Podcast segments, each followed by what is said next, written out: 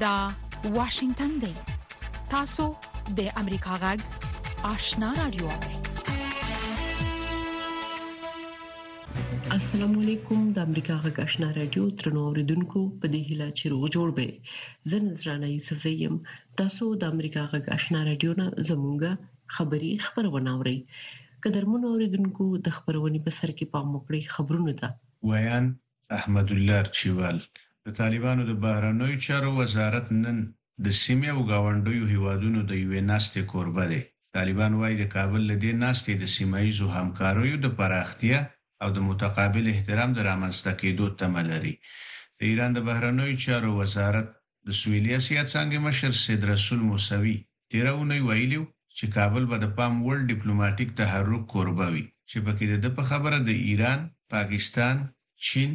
او روسیې استازي او سفیران هرومرو برخه اخلي. په چین کې د طالبانو سفیر هم د همدې ناستې په تړاو له چینايي چارواکو سره لیدلي. په افغانستان کې د ملګرو ملتونو سازمان د کوچنیانو ملاتړ وجهي صندوق یونیسف وايي، نهه اعشاریه پنځه میلیونه افغانان په داسې سیمو کې ژوند کوي چې روغتیايي اسانتیاوې نه لري یونیسف په خپله ایکس پاڼه لیکلي، دا سازمان او ملاتړي یې ژمن دي چې افغان کوچنیانو، ښځو او کورنیو ته یې روغتیايي اسانتیاوې برابرې کړي،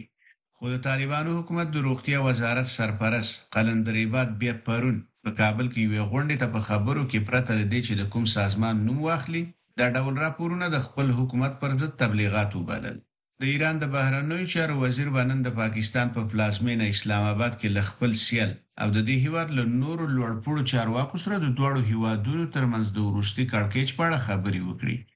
حسېن امیر عبداللهیان وروسته له هغه اسلام اباد ته ځي چې د روانې میاشتې په نیمايي کې د دواړو هېوادونو له خوا د یو د بل په خاوره کې د خونړیو هوایي بریدونو وروسته د تهران او اسلام اباد ترمنځ اړیکو کې کړکېچ زیات شوی. د اسوشیټډ پریس خبري اژانس د راپور له مخې، حسین امیر عبداللهیان به له خپل پاکستاني سیال سره پر کتنې سربېره د پاکستان د منځمهالي لومړي وزیر انورالحق کاکړ او د پوځ له مشر جنرال عاصم منیر سره وګوري او پر سیاسي او امنیتي مسایلو به ورسره خبرې وکړي. د ایران قضایه اداره وايي چې ایران نن څلور کوردي اتباع خپل زاړه دښمن اسراییل ته د جاسوسۍ په تور اعدام کړل. دې ادارې ویلي چې دغه څلور کسان اصفهان ولایت کې د ایران پر یوه دفاعي مرکز د اسراییل له خوا په یوه پلان شوي برید کې په مرسته تورن شوي وو. څلور واړه تورن کسان د دوه زره دوه ویشت کال په جولای کې نیول شوي او په سپټمبر میاشت کې په اعدام محکوم شوي وو. د بشري حقونو ډلو په کراتو کراتو له ایرانه غوښتي وو چې دغه اعدامونه ودروي او هغه یې سیاسي انګېزه بللې. له امریکا غږ څخه خبرونو ته دوام ورکوو. د امریکا ولسمشر جو بایډن په اردن کې د یوې بې پیلوټه الوتکې د برید په پایله کې د درېیو امریکايي پوځیانو د وژل کېدو خبر ورکړی. د امریکا پوځ تېر ماښام تایید کړه چې یوې بې پیلوټه الوتکې له سوریې سره د اردن پولې ته څېرمه سیمه کې د دغه هېواد ځواکونه په نښه کړل. د معلوماتو له مخې په دغه برید کې درې تنه عسکر ووژل شول او شل تنه نور ټپیان شول. د امریکا ولسمشر جو بایډن پرون په یوه خبرپاڼه کې وویل چې دا برید د ایران پلوه ملیشو کار و، خو ایران په دغه پېښه کې لاس لرل رد کړي دي. د حماس تر کنټرول لاندې غزې روغتیا وزارت ویلي، هلته د وژل شویو خلکو شمېر شپږیشت زره او پنځه سوو ته نږدې شوی. دغه وزارت پرون په یوه اعلامیه کې ویلي، چې څه باندې پنځه شپېته زره نور خلک ټپيان شوي هم دي. پر غزه وروسته له هغه اسرائیلو بمباري پیل کړې چې د اکتوبر پر اوومه د امریکا او اروپايي ټولنې له خوا ترهګر ګڼل شوې ډلې حماس پر اسرائیلو په برید سره دوولس سوه کسان ووژل او دوه سوه څلوېښت نور یې یرغمل کړل. اسرائیلي چارواکو ویلي، د حماس تر لمنځه وړلو او د یرغمل شویو تر خلاصون پورې خپلو بریدونو ته دوام ورکوي. د شمالي کوریا دولتي رسنۍ وايي، د دغه هېواد د رهبر کیم جونګ اون تر څار لاندې له یوه اوبتل څخه نوي ستراتیژي کروز میزایل وتوغول شول. دا په اټومي وسلو د سمبالې شمالي کوریا له خوا د کړکیچ د زیاتولو بل اقدام ګڼل شوی دی. دولتي اژانس کې سي ان آی نن دوشنبه راپور ورکړی دی چې دغه دوه میزایل پرون یکشنبه د ختیځ سمندرګي پر فضا تر مزل وروسته په یو جزیره کې ټاکل شوی هدف ویشتی دی. د اژانس په وینا کیم جونګ اون د دې توغونې لارښوونه کوله د توغندي د واټن په اړه معلومات نه دی ورکړل شوی غورځنګ د امریکا غاګ واشنگټن د لوبو لړګره ورسته خبر دا دی چې د افغانستان کرکټ بورډ ادارې د سریلانکا پر وړاندې یوازینۍ ټیسټ لوبې ته 14 کسیزه لوبډله اعلان کړه. په اعلان شوې لوبډله کې د ځینو پخوانیو لوبغاړو ترڅنګ پر لومړي ځل څو ځوانانو ته هم ځای ورکړل شوی. ټاکل شوې چې افغانستان د راتلونکې جمعې په ورځ له سریلنکا سره د یاد هیواد په پلازمینه کولمبو کې دغه ټیسټ سیالۍ پیل کړي. دا و د دې ساعت خبرونه چې تاسو ته هم په واشنګټن کې د امریکا غږ له سټوډیو وړاندې کړل. د امریکا غږ آشنا راډیو درنو اوریدونکو تاسو خبرونه واوریدل پام وکړئ زموږ د خبرونې لومړی رپورټ ته. د امریکا پوځ وایي چې درې سرتیري په اردن کې د یوې بې پیلوټې الوتکې د برید په ترڅ کې وژل شوي دي د پوز مرکزی قوماندانۍ وایي چې په پیښه کې سلور د سرتیري ټپيان شوي دي د امریکا ولسمشر د برید پړه په ایران پلوه ملیشه ډلو اچولې خو ایران وایي چې دوی په سیمه کې د هغه ډلو په پریکړو کې لاس نه لري چې د فلسطین په دفاع ودرېدلې دي د یکشنبې په ورځ یو ځل بیا اسرایلی مظاهره کوونکي په سرحدي کرخه کرم شالوم کې راغون شوي وو او د برمته کسانو د خلاصون او غزې ته د بشري مرستو د موقتی ځنډ غوښتنه کوله د ملګرو ملتونو لخوا دغه خبرداري لامل چې په ځنو سیمو کې د لوګي او بیوزلۍ دراتلو وړاندوینه کړې ده فلسطینیانو په کې د یوې بوجۍ کومکي وړو ترلاسه کولو هڅه کوله. دا د اوو کسانو لپاره دي، وګورئ چې څومره کم دي. دا په پنځوس شکله کېږي. پنځوس شکله یا اسراییلي پیسې دیارلس ډالره کېږي. د ملګرو ملتونو د مرستو او کار اداره یا اونرا د غزې د دوه اعشاریه درې میلیون وګړو د دوه پر درې برخې د مرستو رسولو مسؤله ده چې اوس په خپل جنجال اخته شوه.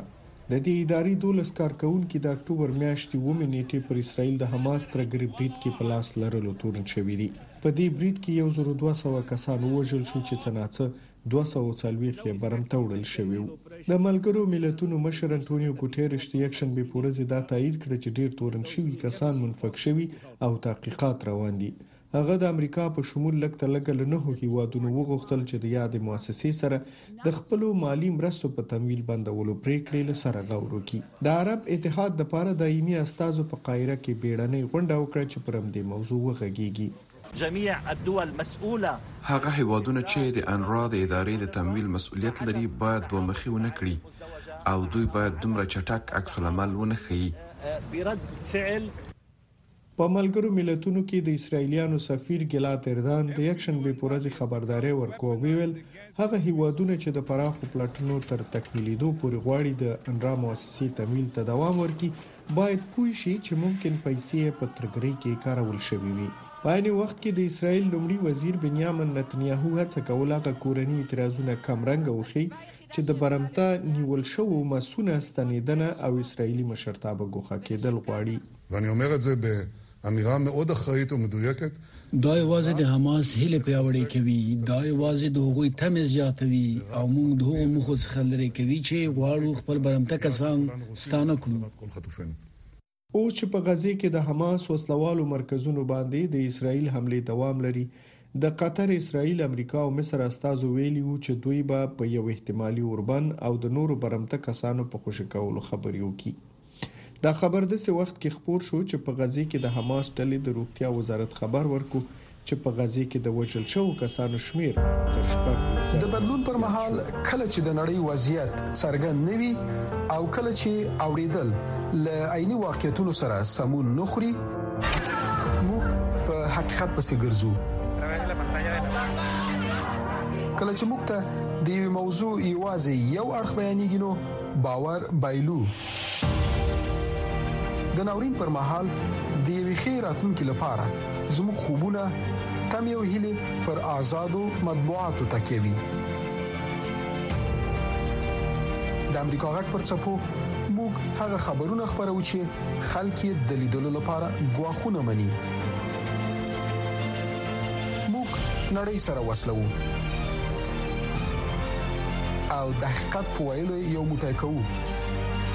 د امریکا غږ لاري موږ بشپړ انزور درکو د طالبانو د حکومت د بهرنیو چارو وزارت وایي چې په کابل کې د گاونډیو او سیمې د هوادونو د ځانګړو استادو او سفیرانو په ګډون د افغانستان د سیمېزي همکارۍ د نوښت غونډه به د دوشنبه د ورځې مازیګر په دغه وزارت کې جوړیږي د سیاسي چارو ځینې کارپوهان وايي ایران هڅه کوي چې د افغانستان مسلې ته په سیمه ییزه کچه د حل لاره ومومي اکرام شینواری رپورټ را لګلې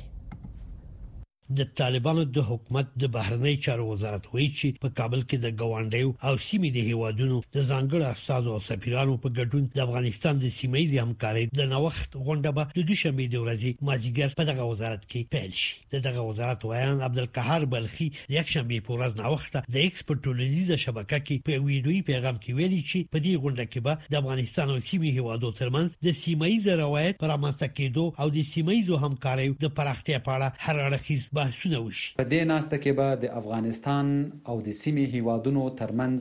د سیمایي روایت پر ایجاد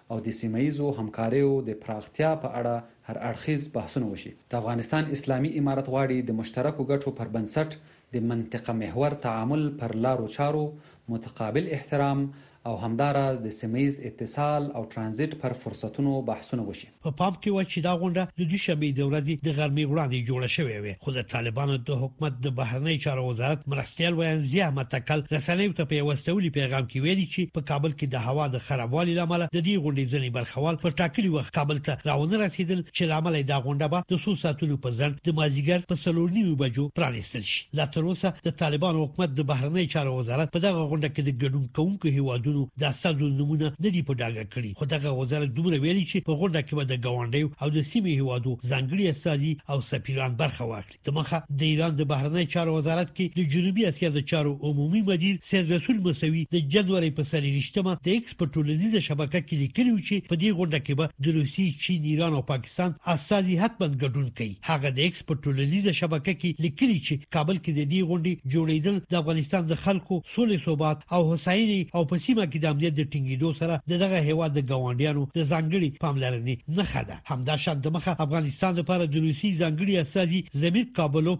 دغه هیواد د تاس خبري اژانس سره په مرکه کې ویلي چې د جنوري د میاشتې د پای تر رسیدو د مخه روسیه چین ایران او پاکستان د حکومتونو استاذي به د افغانستان په تړاو په غونډه کې ګډون وکړي کابل ویلي چې په دې غونډه کې به د طالبانو چارواکو سره د ټول شموله حکومت د جوړېدو او ترهګرۍ سره د مبارزې په لارو چارو بحث وشي د طالبانو د حکومت د بهرنی چارو وزارت سرپرست مولوی امیر خان متکی د جنوري په 23مه په کابل کې د مشتو بهرنی هیوادو د سفیرانو او ډیپلوماټانو سره په کتنه کې د سیمې هیوادو غوښتي و چې باید افغانستان سره د مثبت تعامل د زیاتوالي او دوام لپاره سیمه ییزې سلا مشورې ترسره کړي. دغه وزارت ویلي چې په دې کتنه کې د روسیې، چین، ایران، پاکستان، ازبکستان، ترکمنستان، قزاقستان، هند، ترکیې او اندونیزیا سفیرانو او دیپلوماتیکو ماموریتونو مشرانو ګډون کړی و. د سیاسي چارو یو کارپوه احمد سیدي وایي چې ایران د افغانستان اړوند مسایلو ته په نړیواله کچه د هواري د موندلو پر ځای په سیمه ییزه کچه د حل لارو د لټولو هڅه کوي. ایران تلاش داره که قضیه افغانستان رای حل منطقوی باید داشته باشه که بیرون از منطقه یعنی مانند امریکا و انگلیس و جرمنی اینا حضور نداشته باشن نقش نداشته باشن که سرای منطقی را حل کنه به این خاطر که یک نشست منطقویه ولی امریکا با این نشست به هیچ صورت توافق نداره په دې روسي اولیو کې د ایران لوړپوړو دیپلوماټانو په پرلپسې ډول د افغانستان په تړاو د ګاونډي هیوادو او د سیمې د هیوادو د تماس د ګروپ د جوړېدو د اړتیا یادونه کړې ده په کابل کې د ایران سفارت د جنوري په نهم د ایکس په ټولنیزه شبکه کې افغانستان لپاره د ایران د جمهور رئیس ځانګړي استازي حسن کاظمي کومي لکول لیکلي چې مولوی امیر خان متکی د خاغلی کومي سره په کتنه کې د ایران په نوښت د سیمې د تماس د ډلې د جوړېدو هرکلی کړي او په کابل کې افغانستان لپاره د سیمې د هیوادو د ځانګړو استازو د ګډې غونډې د جوړېدو لپاره چمتووالی ښودلی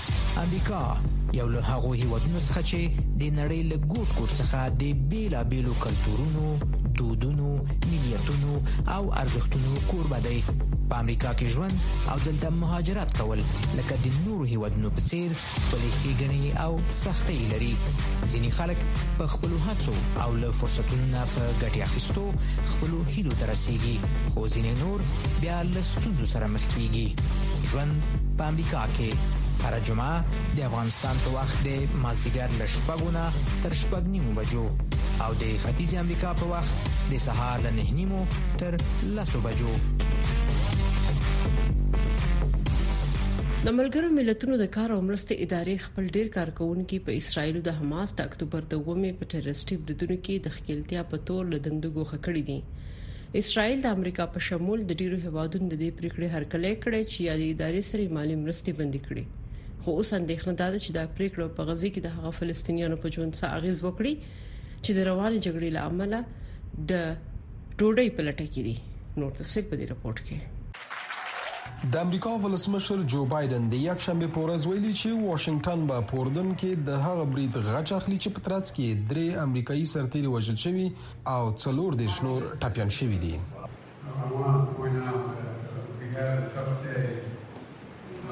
یوه وروستۍ خبره کوم او هغه دا چې پرون شپه مو سخته وه. تېره شپه مونږ په خپله یوه پوځي اډه کې درې تنه مېړني سرتېري له لاسه ورکړل. زه د یوې شېبې لپاره د چوپتیا غږ کوم. مونږ باید ځواب ورکړو. د وژل شویو سرتېرو هویت سملاسي څرګند شوی نه ده. ولسمشر بایډن دغه سرتېري په هېواد مئین پوځیان بللي دي. ګومان کېږي چې دا د حماس او اسراییلو د جګړې له پیل کېدو راهیسې په نږدې څلورو میاشتو کې لومړی برید دی چې امریکايي پوځیانو ته پکې مرګ ژوبله اوړي. ولسمشر بایډن د برید پړه پر هغو ایران پلوو ملېشه ډلو اچولې چې په سوریه او عراق کې فعالې دي. د ایران د بهرنیو چارو وزارت په برید کې لاس لرل رد کړي او ویلي چې تهران د هغو ډلو په پرېکړو کې ښکېل نه دی چې د فلسطین په ملاتړ درېدلي دي. په سیمه کې د مقاومت ډلې په خپلو پرېکړو او فعالیتونو کې د ایران نه اوامر نه اخلي. ایران په سیمه کې د کړکېچ د پرمختیا، نه هرکلی نه کوي. ایران د مقاومت د ډلو په پریکړو کې چې څنګه د فلسطین د ولس نه ملاتړ کوي او یا د یرغل په وړاندې څه ډول د ځان او خپلو خلکو نه دفاع کوي، لاسوهنه نه کوي. د واشنګټن پوسټ ورځپاڼې د خبر له مخې، په عراق کې اسلامي مقاومت چې د کتایب حزب الله په شمول یو شمیر ډلې یې غړي دي، د برید مسئولیت منلی دی. د امریکا د پرمختیا په مرکز کې د ملي امنیت د ادارې مشره الیسن مکمانوس وایي چې د اردن برید ته به ډیر زر ځواب ورکړل شي یو څه چې قاطعانه ویل شم دا دی چې کوم بریدونه چې په امریکایي پوځیانو شوي د تعامل په قواعدو کې بنسټیز بدلون ښکار کوي دا لومړی ځل دی چې موږ د امریکایي پوځیانو مرګ جوړ لوینو او دا به داسې یو څه نه وي چې دا اداره او یا پنټاګون دی بابیزه وګڼي دا به ځواب ورکولو ته لاره هواره کړي. د اردن حکومت د یوې اعلامیې په خپرولو سره پر امریکايي سرتېرو برید غندلی دی. اعلامیه زیاتوي چې ډېری امریکايي سرتېري د اردن د حکومت سره د ترهګرۍ پر ضد په مبارزې او د سرحدونو د امنیت په ساتلو کې همکاري کوي. احمد شکیب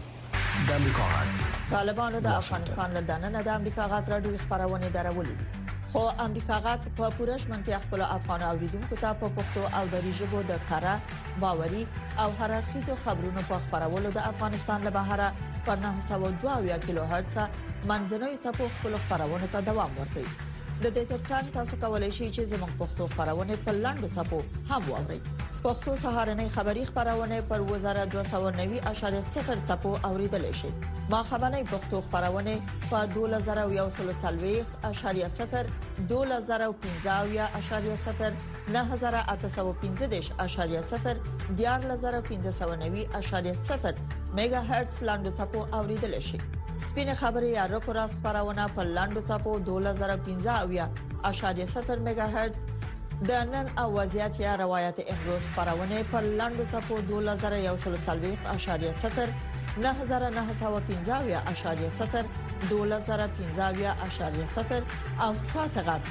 یا صداي شما خبرونه پر لاندو صفو 2513.0 9315 میگا هرتز اوریدل شي د بشري حقوقو د سار سازمان وايي افغان مرمنې او جونې کولای شي د دوی د بنسټیزو حقوقو د سرغړونو له امله طالبان د عدالت نړیوالې محکمې ته معرفي کړي د دغه سازمان د خزو چارو مرستيال حیدربار ویل په ملګرو ملتونو کې د افغانستان په اړه بحثونه سیاسي شوي خو په وینا یې په محکمه کې یوازې یو هواد هم کولای شي چې موضوع وړاندې کړي او نور بهیر له لاسوهنې پرته پر مخ سي نو موري د اسرایل په وړاندې د جنوبي افریقا قضیه ته د بلګې په توګه اشاره وکړه مونږه د حیدربار سره مرکه کړې په افغانستان کې د میرمنو وضعیت په نظر کې د نیولو سره آیا تاسو کله ناکله د مایوسۍ احساس کوئ چې وضعیت به بهتر نشي؟ زه هر وخت د نړیوال ټولنې د افغان مرمنو د وضعیت سره د چلن په اړه ناامیدي او غوسه احساسوم زه دا فکر نه کوم چې دوی داسې څه کولای شي چې وضعیت به بدل کړي مګر زه فکر کوم چې دوی د خپلې وسې پوري هڅه نه کړې د دوی ځواب هغه سي ځواب نه دی چې افغاني مېرمنې او نجونې مستحق دي د دې په پام کې نیولو سره چې دا بحران څومره جدي دی او د دې بحران اغیزې څومره نړیوال دي د سویلي افریقا د اسرایل په اړه د عدالت د نړیوالې محکمې د امر وروسته تاسو فکر کوئ چې د افغانستان په حق له داسې کومه قضیه وړاندې کېدې شي آیا دلته د افغان مرمنو لپاره کومه هیله شته بالکل زه فکر کوم ځکه چې د ستونزې ته د ډیپلوماټیکي حل لارې موندلو هڅې ناکامې شوې دي د افغان خوځو د حقوقو فعالان د نورو لارو چارو په لټه کې دي چې پکې ځینې قانوني لارې هم شامل دي موږ د اسرایل په وړاندې د عدالت د نړیوال محکمې لخوا یو غیر معمولی حکم ولید په هغه قضیه کې چې سویلي افریقا په اسرایل کړي د یادونې وړ ده چې په تیرو دوو کلونو کې وکیلانو له بیلابیلو هیوادونو سره خبرې کړې او له هغوی پوښتلی چې آیا د افغانستان په اړه د عدالت نړیوالې محکمې ته د خزو سره د چلن په اړه قضیه وړل شي نو یوازې یو هیواد چې هغه هر یو هیواد وي چې دا کنوانسیون لاسلیک کړي وي کولای شي چې د طالبانو د افغان مرمنو سره د چلن په اړه د عدالت نړیوال محکمې ته لاړ شي او دا وایي چې څه پیښیږي د منلو وړ نه دي او محکمه باید په هغه ډول چې د اسرایل په قضیه کې حکم صادر کړ باید د افغان ښځو د حقونو د خوندیتوب امر وکړي. او دا هغه څه دي چې موږ د افغان میرمنو نه اورو دوی خپه دي او فکر کوي چې کله د افغان میرمنو د بشري حقوقو خبره شي نو دا د نړیوالو لپاره سیاسي دي آیا تاسو فکر کوئ چې نړۍ افغان میرمنې هېرې کړې دي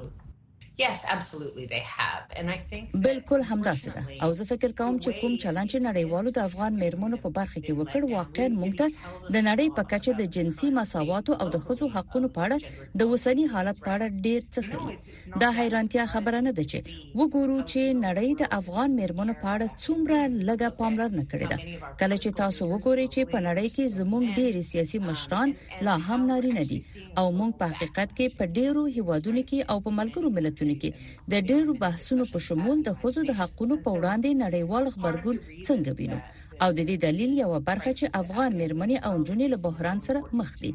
زما سازمان او د حضور د حقونو ټیم ته چې زی برخه يم خورا مهم دی ځکه چې موږ دا غنو چې نړۍ څنګه د افغانو مېرمنو او جنو وضعیت ته پام کوي یا نه کوي په نړیواله کچه د خزو د حقوقو لپاره ډېری پایلې لري او دا چې موږ ټول اړتیا لرو چې د افغان مېرمنو سره ودرېږو ځکه چې دا زموږ د خپل حقوقو د ساتنې لپاره مهمه ده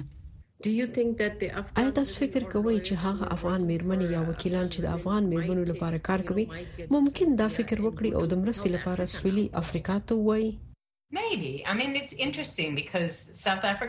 دا په زړه پورې ده ځکه چې سویلي افریقا د جنسیت د توپیر د مفکورې خورا ملاتړ کوي. زه ډاډه یم چې تاسو لیدلي چې ملاله یوسفزۍ دلته په سویلي افریقا کې د نلسن مندیلا یادګاري وینا کړې. زه د اوس وخت په سویلي افریقا کې یم ملالې یوسفزۍ خپل ټوله وینا د افغانستان پر وضعیت متمرکز کړه او له نړۍ وغوښتل چې د جنسیت توپیر پر رسمیت وپیژني او زما په اند هغه ته د سویلي افریقا د حکومت او خلکو ډیر تود خبرګون خود البته سویلي افریقا په خپل دا وخت په ټاکنو کې مصروف ده او بیا په اسرایل په آی سی جی کې قضیه کړې ده خو زه فکر نه کوم چې دا به بد نظر وي چې د سویلي افریقا سره د افغان مېرمنو په استازیتوب د عدالت نړیوال محکمې ته د وی بلې قضیه د سپورو په اړه د امریکا غږ د روانو چارو نوي ټلویزیونی خبرونه په جرمني کې د یو داسې افغان کډوال د ژوند داستان نو خبرو چې په بیساري ډول د جرمني پښتو او دري ژبو د زده کړې لپاره شاوخوا 13 کتابونه لیکلي دي. دا کس افغان لیکوال محمد عارف وردګ دی. په جرمني کې میشت افغان کډوال محمد عارف واردګ یو له محدودو کسانو دی چې د جرمني، پښتو او دري ژبې د تدریس، زده کړې او پر جرمني ژبه د نویو راغلو افغان کډوالو د پوهیدو لپاره یې په بې ساري ډول د نورو مهمو کارونو ترڅنګ ډیر شمیر کتابونه هم لیکلي دي. ما تقریبا اتلس کتابونه لیکلي چې له هغه جملې نه دوولس مې ټول چاپ شوي دي، البته دا چاپ ټول ما په خپل مصرف کړی، لیکنه یې ټول شان ما خپله کړي او تدوین او تصنیف ټول یې هم ما خپله کړي دي. د جرمني لپاره یوه ډکشنري لرم چې په جرمني، پښتو او دري ژبو ده، بله یوه ډکشنري لرم چې دري په آلماني ژبه ده او د آلماني ژبې ګرامر، په دري تشرېح شوی، په پښتو تشرېح شوی او پښتو په انګرېزي ډېکشنري لرم، انګرېزي خوداموز لرم، پښتو ګرامر مې په دنوي اصول باندې جوړ کړی دی، هم پخوا چاپ کړی دی او د آلماني ژبې ابتدايي درسي کتاب او هم یو ځانګړی ګرامر مې په دري ژبه چاپ کړي. ښاغلی محمدعارف وردګ چې له شاوخوا درې څلوېښت کلونو راهیسې په جرمني کې مېشت دی، وايي، له افغانستان یې راتګ او په کډوالۍ کې د پردۍ ژبې زده کړه ورته د نورو افغان کډوالو په شان ډېره سخته وه. دلته یواځینۍ سختي تنهايي ده. موږ وخت چې راغلو، دومره افغانان دلته نه وو هیڅوک نه وو بیخی تنها وو او آلمانانو سره هم موږ تماس نه شوای نیولای د ژبی او د کلتور د هری نیګانه نو زموږ زیات مشکل تنهایی او په دوهمه درجه طبعا ژبه وه. د هغې نړیوالې اجماع انعکاس دی. د ښاغلي وردګ په خبره چې په کډوالۍ کې د کتابونو لیکل او چاپ ډیره سخته چاره ده، خو د خپلې ژبې د ژوندي ساتلو او کډوالو ته د خیر رسولو فکر او هڅه یې بې نتیجې نه وه. آلماني په دري پښتو دا یوه قبوله شوې د آلمانیانو د معلمانو د علمي طبقې ادبي طبقې د خوا یوه په عالي سویه قبوله شوې ډیکشنري ده او زه تاسو ته مثال وایم یو ویب سایټ دی چې په هغه کې پنځه ویشت عالي ترین کتابونه د دنیا په کې پي ډي اف شوي کاپي شوي دي د فايل په شکل يا هغه جمله نه يو زما ډکشنري ده دي. په جرمني کې نوي او زاړه ميشت افغان کډوال چې د جرمني ژبې زده کړه يو ستر سرخوږی ګڼي خو د ښاغلي وردګ په خبره چې د افغان کډوالو کمزورې هڅې دا ژبه سخته کړې ده. دافغانانو مشکل دادی چه تر یوه اندازی خپله هم سست او ټمبل دی یعنی په هغه شکل باندی چه څوک زده کړه کوی دوی نه کوی دوی داسی زده کړه کوی چه لکه شیرینی غوندی وی چه بس که مزه ورکړه ښه او ته ښه او که ورنکړه نو ځانه په عذابوی ځکه ماته معلومه شوی ده ما دا فرهنګونه او ډیکشنری چه چاپ کړی خصوصا پښتانه دی ژبی سره د کتاب سره هیڅ علاقه نه لري برخلاف فارس زبانان او په دوی که په تیره بیا زموږ هزاره ګان وروران دا ډیر کوششي خلک دي دوی ژبې زده کوي زده کولای هم شي او کوشش هم کوي. په جرمني کې چې ګڼ شمیر افغانان او کورنۍ میشتې دي د ښاغلي وردګ په څیر کم شمیر خلک توانیږي چې له ګڼو هڅو او سرګردانیو وروسته د خپلې ژبې د ژوندي ساتلو او نورو افغانانو ته د یو ښه میراث د پاتې کیدو هڅه کې بریالي کیږي. هیلۍ اسد د امریکا غږ جرمني. په کابل کې د طالبانو عامې روغتیا وزارت په ورسنیز کانفرنس کې د کونړ ولایت په دانګام ولسوالۍ کې د پولیو مثبتې پیښې ثبت کېدل ردوي. په کابل کې د طالبانو د عامې روغتیا سرپرست وزیر قلندر عباد په یو رسنیز کنفرانس کې په کونړ ولایت کې د پولیو مثبتې پیښې ثبت کېدلو خبر ردوي. هغه په یو خبري کنفرانس کې ویل د یادې پیښې په تړاو یې دقیقې څېړنې کړي. یاده ماشومه چې دولس کاله عمر لري د مغزي سکتې له امله یو مخ باندې علایم دي چې په هیڅ ډول د پولیو پر ویروس نه ده اخته شوې. بیا په خارج کې یو غیر مسؤله اداره د هغې د پولیو د مثبتوالي په رابطه باندې راپور ورکړی دی دا موضوع په خپل نوبت باندې ترتیبوار موږ چې کله د خارجي ادارو سره یا د جی پی آی د ګروپ سره موږ شریکه کړې ده دا خبره دوی تایید کړې ده منل ده چې واقعا په دې کې دوی ډیره لوی غټه تخطی کړې ده چې دوی هغه خپل مربوطه ارګانونو ته یا مرجع ته هغه موضوع یا خبره نه ده رسولې چې د هغې د وجې نه موږ په کامل ډول باندې دغه پېښه یا دغه غیر مسؤلانه معلومات د رسنیو سره شریکول یا هلته خپلو ارګانونو سره شریکول موږ په کلکو الفاظو باندې مسترد کوو. ښاغلی عباد وړاندې په خپلو خبرو کې وايي، په کونړ کې د پولیو مثبتې پېښې په تړاو یوې داسې پاکستاني روغتیايي خبر خپور کړی چې خپله د دغه هېواد روغتیايي سکټور ته د باور وړ نه ده او کوم ټېسټونه چې کوي ورته تېروتنې یې وړاندې هم کړې دي. چې دغه په اسلام اباد کې د ان آی اېچ په نوم باندې یو اداره ده چې پرون ورځ ما په خپله باندې د پاکستان د صحت د وزیر سره تیلیفوني رابطه مې ورسره وکړله او د دوی سره مې دا خبره شریکه کړه او احتجاجاً مې ورته ویلي چې داسې غیر مسؤلانه کارونه ان آی اېس ته د کوم اصول د مخې نه دوی کوي. هغوی په خپله باندې په دې باندې اعتراض کړی دی.